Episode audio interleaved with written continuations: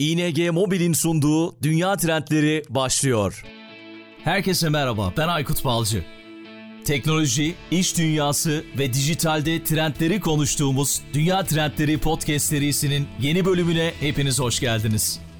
Bu bölümde konuğum daha önce konuk ettiğim bir isim. Dijitalle dönüşen iş dünyası nasıl olacak diye bir bölüm yapmıştık. 62. bölümde. Danışman ve yazar İnan Acılıoğlu şu anda karşımda. İnan Hocam merhaba, selamlar, hoş geldin. Merhaba Aykut, hoş bulduk. Tekrar yayın yapmak seninle benim için büyük bir keyif, aynı zamanda onur. Teşekkür ederim tekrar davetin için. Rica ediyorum. Önemli konuları konuşacağız yine bu bölümde. Tabii senin bir de konuşmacı yönün var. Onu da söylemeden geçmeyeyim. Ve uzun zaman boyunca sevgili Emre Başkan ve Sinan Yorgancıgil ile birlikte Pencere adında bir program yaptınız. YouTube üzerinden, LinkedIn üzerinden ve tabii ki evet. her yerden dinleme şansını ve izleme şansını yakaladık. Bir yayıncılık yönü de var tabii ki değil mi? Evet yani tabii ki senin deneyiminin yanında böyle çok konuşmaya değecek bir şey değil. Ama biz de o tarafa girdik, keyif de aldık. Güzel geri bildirimler de geldi. Yani hiç böyle ummadığımız yerlerde insanlara dokunabilmişiz. O çok güzel bir şey. Yani sen de bunu bence fazlasıyla yaşamışsındır. Herhalde bu içerik üretmenin en güzel tarafı o. Hiç tanımadığın insanlara ufak da olsa böyle faydalar bırakabilmek çok güzel. Onu geç de olsa geri dönüşlerini almak gerçekten yaptığın işin böyle döktüğün terin e, karşına almak oluyor. E, bakalım yani pencereyi e, şimdi konuşuyoruz Emre ile Sinan'la kulakları çınlasın tekrar açabiliriz her an. Değerlendirme aşamasındayız. Evet önümüzdeki dönemde bekliyoruz. Ben de konuk olmuştum. Podcast'ın açıklama kısmına da linkini koyayım. Çok değerli bölümler var. Böyle tekrar tekrar izleyebileceğiniz bölümler. Oradan takip edin lütfen izleyin ve yeni bölümleri de merakla bekliyoruz. Çok teşekkürler. Peki o zaman bu bölümde yine dijitali konuşacağız. Dijital dönüşümde liderlik ve kültürel değişim diye bir bölüm yaptık. Bu sırada da bu arada da görüşmediğimiz zamanda sanırım bir iki yıl oldu.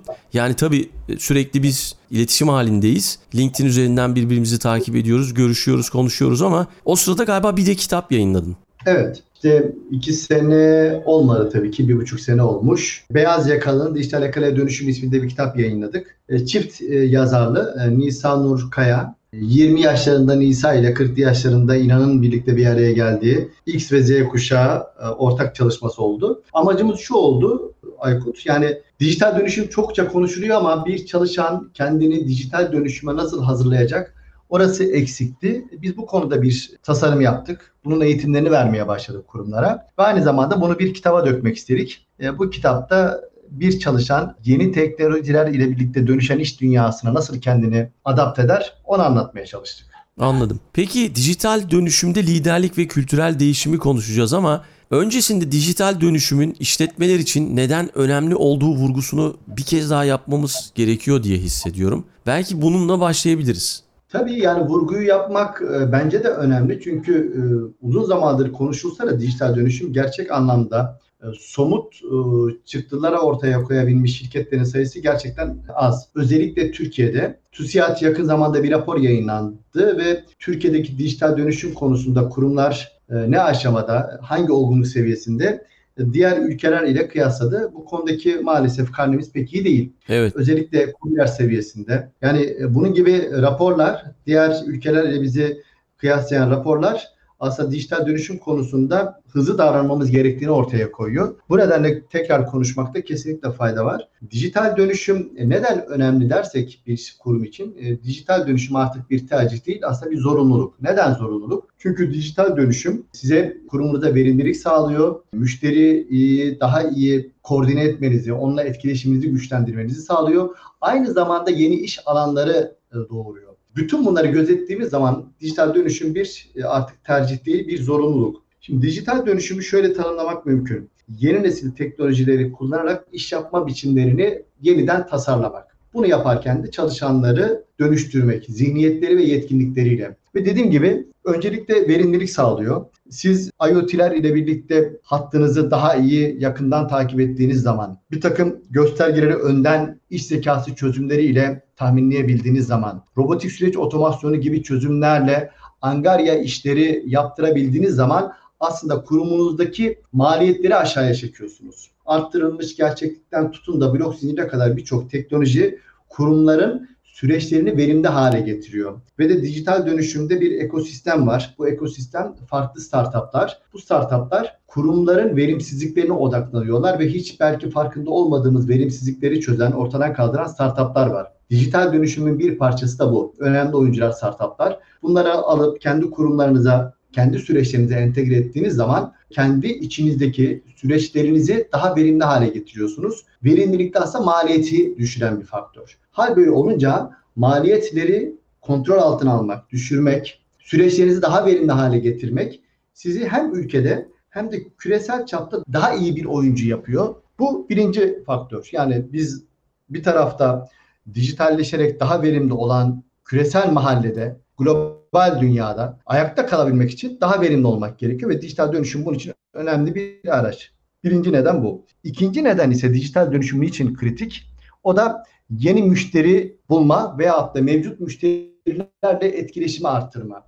Sizler sosyal medyadan tutun web sitenize kadar birçok farklı kanaldan müşterilerle etkileşime geçip onların verilerini arka tarafta analiz sergilediğiniz zaman müşteri memnuniyetini arttırmış oluyorsunuz ve sizin gerçekten ürününüzü alabilecek olan kitleye doğrudan ulaşmış oluyorsunuz. Bu da ikinci nokta. Bunu yaparak kendi satışlarınızı arttırmanız ve karlılığınızı daha da güçlendirmeniz mümkün. Bu da ikinci neden kurumlar için neden zorunluluk olduğuna dair. Üçüncü neden ise dijital ile birlikte yeni iş modelleri kurma fırsatı var. Baktığınız zaman kurumlar son dönemlerde ömürleri kısalmış durumda. 1960'larda 60 yıl iken bir şirketin ortalama ömrü artık 10 yıla kadar düşmüş durumda. Bunun temel nedeni de şirketlerin bir şekilde ortaya koydukları ürünler yeni trendleri takip ederek güncellemesi gerekiyor. Hatta yeni ürünler ortaya çıkarmak gerekiyor.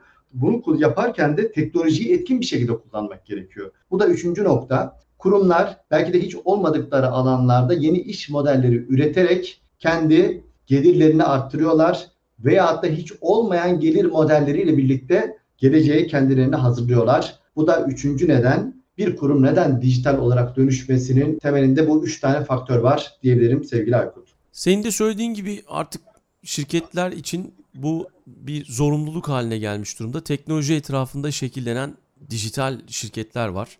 E, sürekli mevcut gelişmeleri takip eden, kendini yenileyen ve uyum sağlayan da bir liderliğe ihtiyaç duyuyorlar. Burada da son dönemde çok fazla duyduğum bir kavram var dijital liderlik diye. Belki biraz bundan bahsedebiliriz. Dijital liderlik nedir? Liderlerin daha doğrusu bu dönüşümdeki rolü nedir?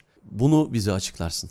Tabii ki. Yani önemli. E, hani burada dijital liderliği gösterecek olanlar e, sadece kurumun üst düzey yöneticileri değil, birim yöneticileri hatta çalışanları kendisi. Yine bunu ben üç tane başlık altında e, özetliyorum. Dijital liderlik aslında teknolojiyle birlikte dönüşen iş dünyasına kendini, işini ve de varsa ekip arkadaşlarına hazırlamak olarak anlatıyorum. Eğer ki kurumun üst düzey yöneticisi iseniz aslında kendi kurumunuzu değişen trendlere birlikte e, dönüştürmeniz, adapte etmeniz gerekiyor. Dijital liderlik de bu konuda aslında önemli bir kavram. Üç tane faktörden oluşturuyor dediğim gibi. Evet. Bir tanesi dijital liderlik kendine liderlik etmekle başlıyor. Yani kendini dijital dünyaya adapte etmek olarak bunu anlatıyorum. Burada da teknoloji okur yazarlığı son derece önemli. Dünya Ekonomik Forumu'nun son e, bir raporu var. Belki inceleme şansın olmuştur. Orada teknoloji okur yazarlığı ya 5 ya da 6. sıradan listeye girdi. En çok aranan beceriler listesinde. Hani diyoruz teknoloji iş dünyasını dönüştürüyor ama bu teknoloji kavramlar neler? Arttırılmış gerçeklik ne? Blok zinciri ne? Robotik süreç otomasyonu ne? İş zekası, üretken yapay zeka ne? ChatGPT'nin evet. ötesinde üretken yapay zeka kavramı geldi. Bütün bu kavramlar iş dünyasındaki iş yapma biçimleri dönüştürüyor. Teknoloji okur yazarlığının birinci adımı, üç adımla birincisi bir, bu yeni nesil teknolojileri bilmek, anlayabilmek. Gerçekten onları tanımak ve yakından takip edebilmek. İkinci adım ise bu yeni nesil teknolojileri işinde nerede kullanabileceğini ortaya koymak. Örneğin ben yapay zekayı biliyorum ama yapay zeka artık hangi birinde çalışırsanız çalışın sizlere asistanlık yapan bir role dönüştü. Hangi yapay zeka çözümler var?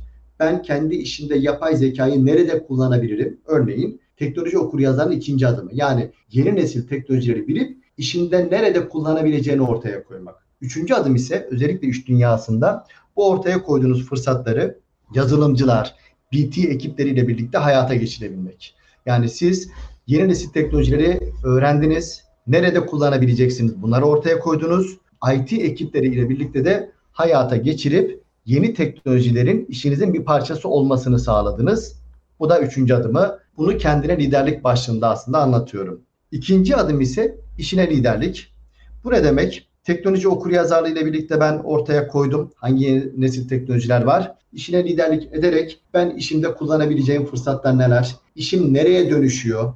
İşimin hani işin geleceği diyoruz ya böyle büyük başlıklarda. Benim kendi işimin geleceği nereye evriliyor? Bunun farkında olmak ve de kendini, ekibini bu konuda hazırlamak. Yeni nesil teknolojileri kendi işine entegre etmek ve de kendi işinin nereye evrildiğini güncel bir şekilde takip ederek o konuda aksiyonlar almak. Bunu yapabilmek için de aslında her bir dijital liderin, iş biriminin bir dijital dönüşüm yol haritasının olması gerekiyor. Kendi işine dair. Bunu da ikinci adım olarak anlatıyorum. Üçüncü adım ise ekibine liderlik. İnsanı dönüştürmedikçe dijital dönüşüm konusunda yol almak maalesef mümkün değil sevgili Aykut. Ekip arkadaşlarımızı zihniyetleriyle ve yetkinlikleriyle dönüştürmemiz gerekiyor. Onların zihniyetlerini dönüştürmek ne? Dijital dönüşümü gerçekten idrak etmelerini sağlamak. Yeni nesil teknolojideki bu teknoloji okur yazarlığı gibi kavramlarda onları güçlendirmek ve de en önemlisi belki onların yetkinlik dönüşümünü sağlamak. Yetkinlik ne demek? Bilmek ve yapabilmek. Kendi işimizde hangi yeni beceriler var? Ben hangi konularda yeni becerileri ekibime kazandırmalıyım? Bu konuda gerekleri ortaya koymak ve de ekibi bu konuda dönüştürmek gerekiyor. Bu alanda da yetkinlik dönüşümü alanında da iki tane kavram var. Reskilling ve upskilling kavramları belki farklı programlarda konuşulmuştur ama önemli olduğunu düşünüyorum. Reskilling kavramı bizim kendi işimizde yeni teknolojiler ile birlikte hiç olmayan yetkinlik setleri geliyor. Bunlar ne? Örneğin otomotiv şirketinde çalışıyorsunuz. Sizin işten yanmalı motorlu araçlarla birlikte üretim yapmayı bilen bir ekibiniz var. Çok güzel. Peki batarya ile e, yürüyen araçlar var ve bunların üretimleri arttı. Yepyeni bir yetkinlik. Mesela bu riskinin için güzel bir örnek. Bunun gibi hangi kavramlar var? Benim işim ile ilgili. Diğeri de upskilling. Bu da şu anlama geliyor. Mevcutta var olan bir takım yetkinlikler var. Mesela veri analiti. Uzun zamandır var olan bir yetkinlik. Veya Agile dönüşüm. Agile ile birlikte proje yürütme. 2008'den bu yana iş dünyasında olan kavramlar. Ekip arkadaşlarımızı bu konuda geliştirmek anlamına geliyor. Örneğin muhasebede çalışan bir arkadaşımıza iş zekası çözümlerini kullandırabilmek veyahut da e, üretimde çalışan bir arkadaşımıza Agile konusunda proje yönetimini aşılayabilmek. Bütün bunlar da upskilling kavramları olarak karşımıza çıkıyor. Ekip arkadaşlarımıza kendine ve işine liderlikten sonra ekibine liderlik konusunda da ekip arkadaşlarımıza özellikle yetkinlik dönüşümü konusunda liderlik etmek gerekiyor. Bunun altını çizebilirim. Bir dijital liderin en önemli becerilerinden biri de finansal bilinci geliştirmek ve birikimleri doğru şekilde değerlendirmek olduğunu söyleyebilirim. Bu noktada sizlere harika bir fırsattan bahsetmek istiyorum. E-Turuncu Hesap. Birikimlerinizi neden %38 koşulsuz hoş geldin faiziyle e-turuncu hesapla değerlendirmelisiniz. Çünkü e-turuncu hesapla hem hemen kazanmaya başlarsınız hem de ihtiyacınız olduğunda faiz kazancınızı kaybetmeden paranızı çekebilir, vade beklemek zorunda kalmazsınız. Üstelik ING Mobil'den şubeye gitmenize gerek kalmadan e-turuncu hesabınızı kolayca açabilirsiniz. Birikimlerinizi %38 koşulsuz hoş geldin faiziyle büyütmenin bence şimdi tam zamanı. %38 koşulsuz hoş geldin faiziyle e-turuncu hesap hakkında merak ettiğiniz her şeyi podcast'in açıklama kısmına bırakacağım linkten ulaşabilirsiniz. E sonuçta ING kalıpların dışında, hayatın içinde, senin yanında. Dijital dönüşüm sürecinde zorluklar, hangi zorluklarla karşılaşabilir liderler? Bu da çok önemli diye Yani düşünüyorum. Gerçi bildiğimiz birçok zorluk var ama en önemlilerini belki sayabiliriz. Kesinlikle e, yani dijital dönüşüm dediğimiz böyle bir parmak şıklatmayla veya işte yeni nesil bir teknolojiyi satın almayla mümkün olmuyor. Zaten farklı araştırmalar var. E, dijital dönüşüm projelerinin başarı oranı ortalamada %12,5. Yani neredeyse 10 tane dijital dönüşüm inisiyatifinden 9'u başarısız oluyor. Evet. Hani bu da ciddi bir maliyet. MIT son bir rapor yayınladı.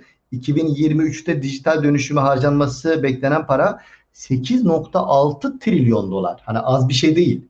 Ve bunun önemli bir kısmını maalesef amacına ulaşamayacağı hatta çöp olacağı yine öngörüler arasında. E işte bunun da bir takım nedenleri var. Onlardan bir tanesi dijital dönüşümü bir değişim yönetimi olarak görmek gerekiyor. Yani dijital dönüşüm sadece bir teknolojiyi al, adapte et değil, kültürel bir dönüşüm. Bu şekilde bakmak gerekiyor. İnsanların zihniyetlerini ve de iş yapma biçimlerini değiştirmedikçe maalesef bu konuda başarılı olamıyorsunuz.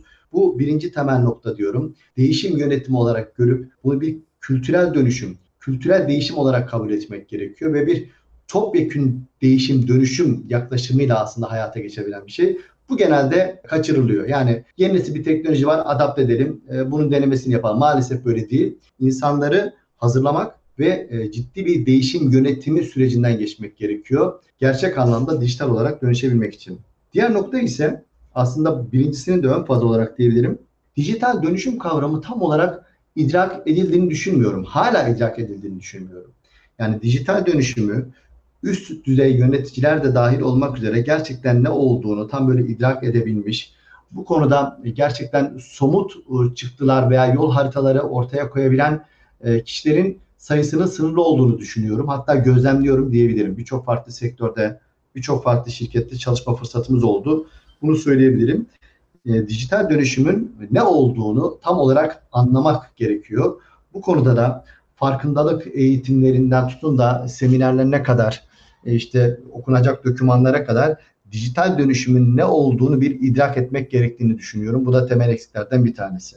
Bir diğeri aslında biraz önce bahsettim. Üçüncü olarak da bunu söyleyebilirim. Çalışanları direnci, çalışanları hazırlamak gerekiyor. Çalışanları hazır etmeden, zihniyetleriyle, yetkinlikleriyle hazır etmeden e, böyle kolları sıvadığınız zaman maalesef direnç ile karşılaşıyorsunuz. Çünkü çalışanlara bunu anlatmadıkça bilmeyen bir şey insanı korkutur ya. Dijital dönüşüm, dijital olarak dönüşeceğiz. Siz bunun ihtiyacını anlatmadıkça, çalışana getirisini anlatmadıkça, bunun neden bir zorunluluk olduğunu, sadece kurum için değil, çalışan için de bir zorunluluk olduğunu anlatmadıkça, çalışana olan getirimlerini, çalışana yapacağı getirileri anlatmadıkça maalesef çalışanlar bunu kucaklamıyorlar. Mış gibi yapıyorlar. Dijital dönüşüm projelerini devreye alıyorsunuz, dijital çözümlere para harcıyorsunuz. Ama bir de bakıyorsunuz ki değişim çok nankördür. Bunu çok gözlemledim. Çalışanlar eski bildiklerini okumaya devam ediyorlar. Burada çalışanların direnci önemli bir e, unsur, bir engel olarak karşımıza çıkıyor. Burada çalışanları hazırlamak, onlara hani İngilizce tabirle what is in it for me? Ben dijital olarak dönüşeceğim ama neden? Bu konuyu evet. anlatabilmek. Bu o, dijital dönüşümün sadece kurum için değil, çalışanın kendisi için de önemli getirileri olduğunu ona anlatabilmek son derece önemli. Bu da üçüncü zorluk olarak karşımıza çıkıyor. Bunu e, söyleyebilirim.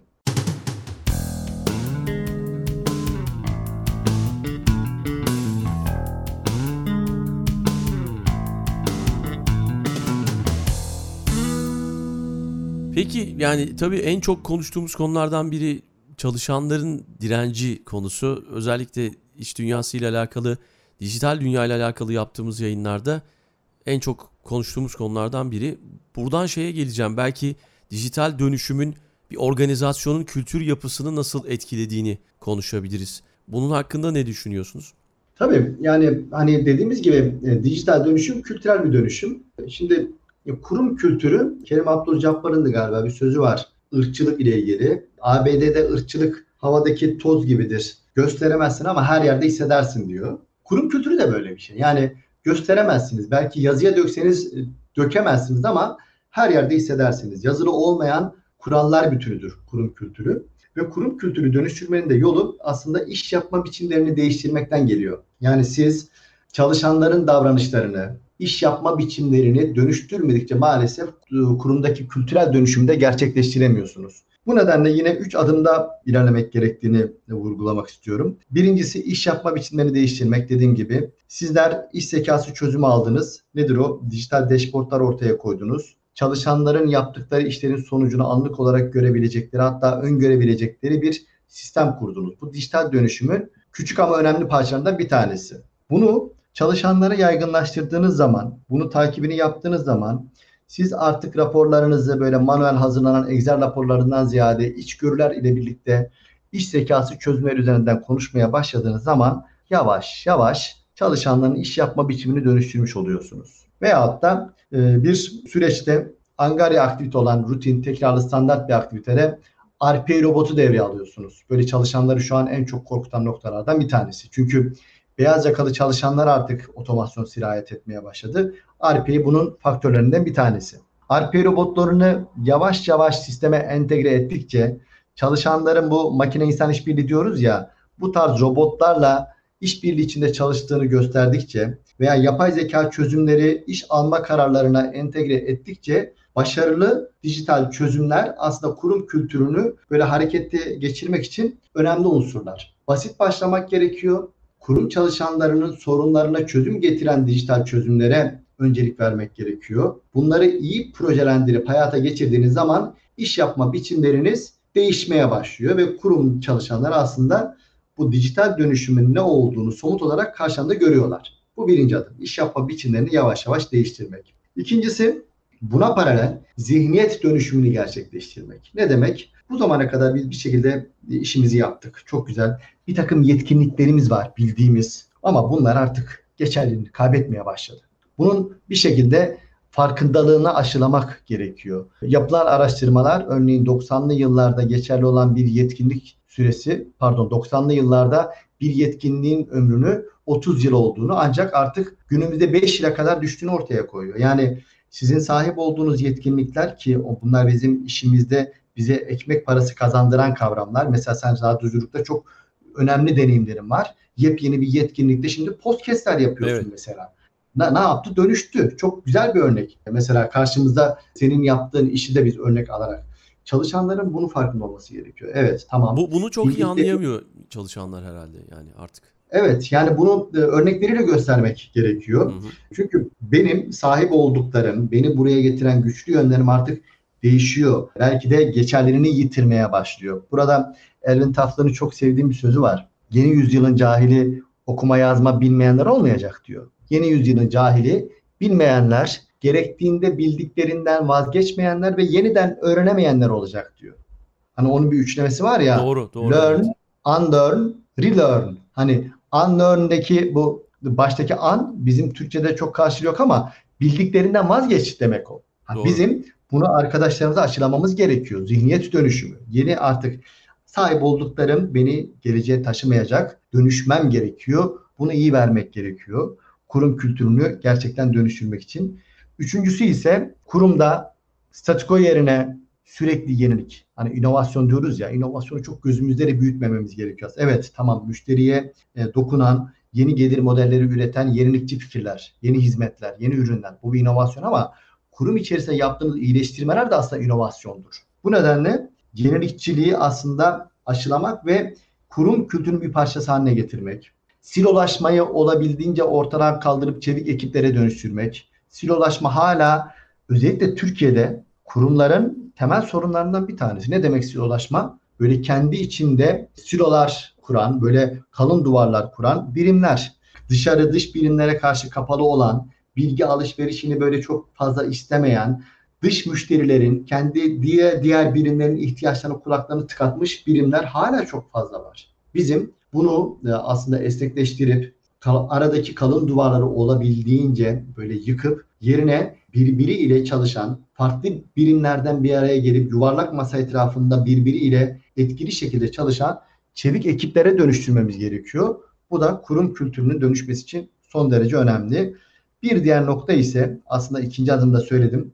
Öğrenen organizasyonlara dönüşmemiz gerekiyor. Bilen organizasyondan ziyade artık öğrenen organizasyonlara dönüşmemiz gerekiyor. Neden? Bildiklerimiz yarın geçerli değil. Artık yeni şeyler öğrenmemiz gerekiyor ki yeni şeyler üretebilelim. Bu da dijital dönüşümün e, bu kültürel e, anlamda dönüşümü sağlaması için gerekli noktalardan önemli birisi olarak söyleyebilirim. Bu konuda sürekli LinkedIn üzerinden paylaşımlarda bulunuyorsun hocam. Çok çok da yararlı oluyor. Geri dönüşler nasıl oluyor peki arka planda? Böyle en çok nelerle karşılaşıyorsun? Neler soruyorlar? Ya şöyle e, LinkedIn'deki paylaşımlara etkileşimler oluyor sağ olsunlar. İşte eğitimlerde, seminerlerde, danışmanlık konularında çok sıklıkla görüşüyoruz. İşte bu bahsettiğimiz bu kültürel dönüşüm aslında kurumu en çok zorlayan nokta. Ama e, hani güzel açıdan da bakarsak artık özellikle iş birimlerinin yöneticileri, İK ve BT yöneticileri zaten bunu biraz daha erken fark etmişlerdi. İş birimlerinin yöneticileri de bunu idrak etmeye başladı. Evet. Evet, tamam bildiklerimiz hani tamam güzel ama özellikle bu yapay zeka konusunda işte bizim iki sene önce, üç sene önce anlattıklarımız hayata geçmeye başladı ya. Hani hep şeyi anlatıyor. Yapay zeka artık işimizin bir parçası olacak. İşimizde asistanlık yapacak. Artık bunları görmeye başladılar. ChatGPT gibi üretken yapay zeka insanla doğrudan etkileşim kurdu. Onun ürettiği içerikleri görmeye başladılar. Bu nedenle ben böyle sektörde bir zihniyet dönüşümünün gerçekleşmeye başladığını görüyorum. Onu söyleyebilirim. Tepkilerden bir tanesi. Ve bu konuda gerçekten bir şeyler yapmak isteyen, e, kendi yolunu bulmak isteyen, yanlış yapmamak isteyen e, kişiler var. Onlar da danışıyorlar. Onlarla da konuşma fırsatımız oluyor. Bütün bunların sonucunda şunu söyleyebilirim. Bu hani kurumların ajandasına girmeye başladı. Bu da bence ülkemiz adına hani dijital olarak dijital dönüşüme kendi şirketlerimizi hazırlamamız gerektiği için ülkemiz adına da güzel bir gelişme olarak e, vurgulayabilirim. Peki burada mesela kültürel değişimden bahsettik ya işletmeler bu süreci başlatmak ve yönetmek için hangi stratejileri kullanabilirler? Güzel soru. E, Çünkü kurumlar bu konuda da ne yapacağını çok bilmiyor. E, Öncelikle üst yönetimin desteği şart sevgili Aykut. Yani üst yönetimin sahiplenmediği, destek vermediği hiçbir değişim, dönüşüm e, projesi maalesef hayata geçirmiyor. Gerçekten buna bütçe ayıracaklar, ajandalarını dahil edecekler ve de e, CEO, genel müdür fark etmez. Tepedeki birinci isim kimse onun takibinde olan bir e, dönüşüm olması gerekiyor. Bu birincisi. Bu nedenle dijital olarak dönüşüme kolları sıvayan bir ekip varsa, bir lider varsa tepedeki birinci ismin genel müdür, CEO onun desteğini alması gerekiyor. Onun bir ajandasının maddesi haline getirmesi gerekiyor. İkincisi ise dijital dönüşüm yol haritasının hazırlanması. Yani bir kurumun gerçekten dijital olarak nasıl dönüşeceğini ortaya koyabilmesi son derece önemli. Bu bir butik yaklaşım. Yani siz e, nasıl ki farklı hastalara farklı reçeteler yazıyorsunuz. Dijital dönüşüm konusunda da ortaya koyacağınız yol haritasının da dönüşmesi gerekiyor ve kuruma özel, kuruma butik olması gerekiyor. Yani aynı sektörden birbirine çok yakın iki farklı şirketin dijital dönüşüm konusundaki ihtiyaçları bambaşka olabilir. Şu an mesela çalışıyoruz şirketlerle aynı sektörde içine giriyoruz. Gerçekten bambaşka ihtiyaçlar var. Bambaşka öncelikler var. Kurum kültürü bambaşka. Oradaki bizim öncelikle devreye almamız gereken teknolojik çözümler bambaşka. Bu nedenle her bir şirketin kendi dijital dönüşüm yol haritasını hazırlaması en az 3 yıl boyunca hangi teknolojilere ne zaman yatırım yapacağını ortaya koyması son derece önemli. Burada ne zaman konusu önemli çünkü ne yapacağınız kadar ne zaman yapacağınız da kritik bir nokta. Yani ne yapacağınızı ortaya koydunuz. Bu nedenle bir yol haritanızın olması, hangi yeni nesil teknolojileri ne zaman devreye alacağınız, bir proje şeklinde bunu ortaya koymanız ve de yakından takip etmeniz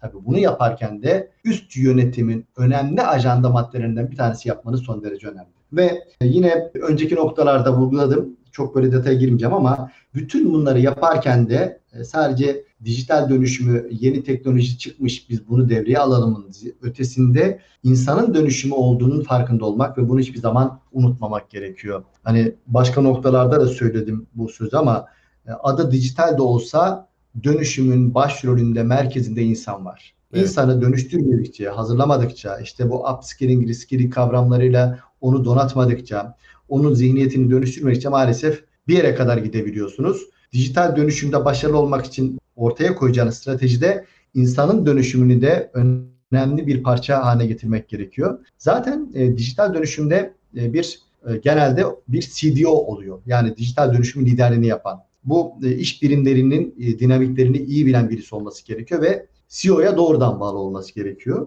CDO pozisyonu veya başka bir adda da olabilir. İki tane önemli iş ortağı var. Bunlardan bir tanesi BT ekipleri. Yani teknolojileri işlere entegre edecek, iş birimleriyle birlikte projeleri çalışacak olan ekip. Çok güzel. Diğer bir ekip ise insan kaynakları. Onlara çok iş düşüyor. İşte bu insanları, e, ekibi, çalışanı dijital dönüşüme hazırlama noktasında insan kaynakları rolü son derece önemli. Çok çok teşekkürler hocam. Böyle hap gibi bütün bilgileri aldık. Son dönemde çok önem verdiğim konulardan biriydi. Çok değerli bilgiler oldu. Belki kapatırken son sözleri alabiliriz. Bir de kitap önerisi biliyorsun. Sen tabii daha önce katıldığın için her zaman olduğu gibi Evet. konuklarımdan kitap önerisi alıyorum. Ondan sonra da veda eder kapatırız. Öncelikle çok teşekkür ediyorum. Yani bana bu fırsatı verdin. Dediğin gibi olabildiğince konulara dokunmaya çalıştık. Şunu bir vurgulamak istiyorum. E, Türkiye'de çok farklı ölçekli şirketlerle çalıştık. Türkiye'nin lokomotif firmalarıyla çalışıyoruz dijital dönüşüm konusunda. Onlar e, bu konunun farkındalar ve kendi işlerinde bir takım yol alabilmiş durumdalar ama ben COBİ'lere özellikle ben dikkat çekmek istiyorum. E, Türkiye'deki iş gücünün önemli bir kısmı onda ve Türkiye'nin ekonomisinin can damarı aslında COBİ'ler. Sayılar da bunu ortaya koyuyor. Bizim COBİ'lerimize aslında yatırım yapmamız gerekiyor. Bu konuda COBİ'lere rehberlik eden bir takım e, devletin de kurumları var. Onların daha rol oynaması gerektiğini düşünüyorum. Hani dijital dönüşüm aslında ekonominin topyekünün, ekonomideki bütün paydaşların topyekün dönüşmesiyle gerekiyor, e, gerçekleşiyor.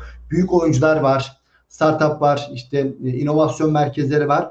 Ama benim özellikle Türkiye'de gördüğüm COBİ'ler tarafında bu konuda gerçek anlamda bir yol kat etmemiz gerektiğini düşünüyorum. Bunu özellikle vurgulamak istiyorum. Hani COBİ'lere yapılan yatırımların, onların sahiplerinin, çalışanlarının bu konuda farkındalık sahibi olarak ilerlemesi önemli olduğunu düşünüyorum. Bunu da özellikle vurgulamak isterim kapanışta. Kitap önerileri ise 3 tane kitap önerim var. Hep böyle üçlemeli gidiyorum. Harika. Farkındaysanız çok seviyorum. Yani hep de söylüyorum iki az, dört çoktur diye. Ee, birincisi e, Digital Offroad isminde bir kitap. Girdikleri zaman çevirisi Dilek Kurt, sevgili Dilek Kurt. Ona da çevirisini yapan ünlü akademisyenlerden akademisyen arkadaşım. Kendisine sevgilerimi iletiyorum. Dijital Offroad kitabını öneririm. Dijital dönüşümün gerçekten ne olduğunu, kuruma neler getirdiğini ve niçin bir zorunluluk olduğunu anlatan bir kitap. İkinci kitap önerim ise Çalışılmayan Bir Dünya. Sen de şu an okuyorsun anladığım kadarıyla sohbetimizde. Evet yani Ee, evet de- devam ediyorum doğru. Yani son 200 yıldır hani sanayi devrimleriyle birlikte teknoloji işleri nasıl e, etki etmiş, örnekleriyle, sayılarla, grafiklerle çok güzel anlatan bir kitap. Daniel Susskind TEDx konuşmaları da var. E, Böyle ünlü bir isim bu konuda. Gerçekten ışık tutuyor. Teknolojinin işe olan etkisini anlayabilmek için önemli bir kitap. Üçüncü kitap ise naçizane e, Nisa ile yazdığımız kitabı önereceğim. Beyaz yakanın dijital akaraya dönüşümü. Dijital offroad'da dijital dönüşümü anladık. Çalışılmayan bir dünya kitabıyla teknolojinin işlere olan etkisini anladık. Hani bizim kitabımızda da aslında bir çalışan teknolojiyle birlikte dönüşen iş dünyasına kendisini nasıl hazırlar onu anlatıyoruz. Bu da üçüncü kitap olabilir e, önerebileceğim. Peki hocam çok çok teşekkür ederim. Hepsi çok değerli. Bunları da koyduk kütüphanemize. En kısa zamanda okuyalım lütfen bu kitapları ve çalışılmayan dünyaya ben başladım E, ama tam bitiremedim. Güzel gidiyor şu an. Senin de söylediğin gibi değerli kitaplardan biri ve umarım herkes için faydalı olur. Çok çok teşekkürler tekrar katıldığın için. Ben teşekkür ederim. Tekrar davet ettiğin için. E, gerçekten seninle yayın yapmak benim için çok büyük bir keyifti. Teşekkür ediyorum. ING Mobil'in sunduğu Dünya Trendleri sona erdi.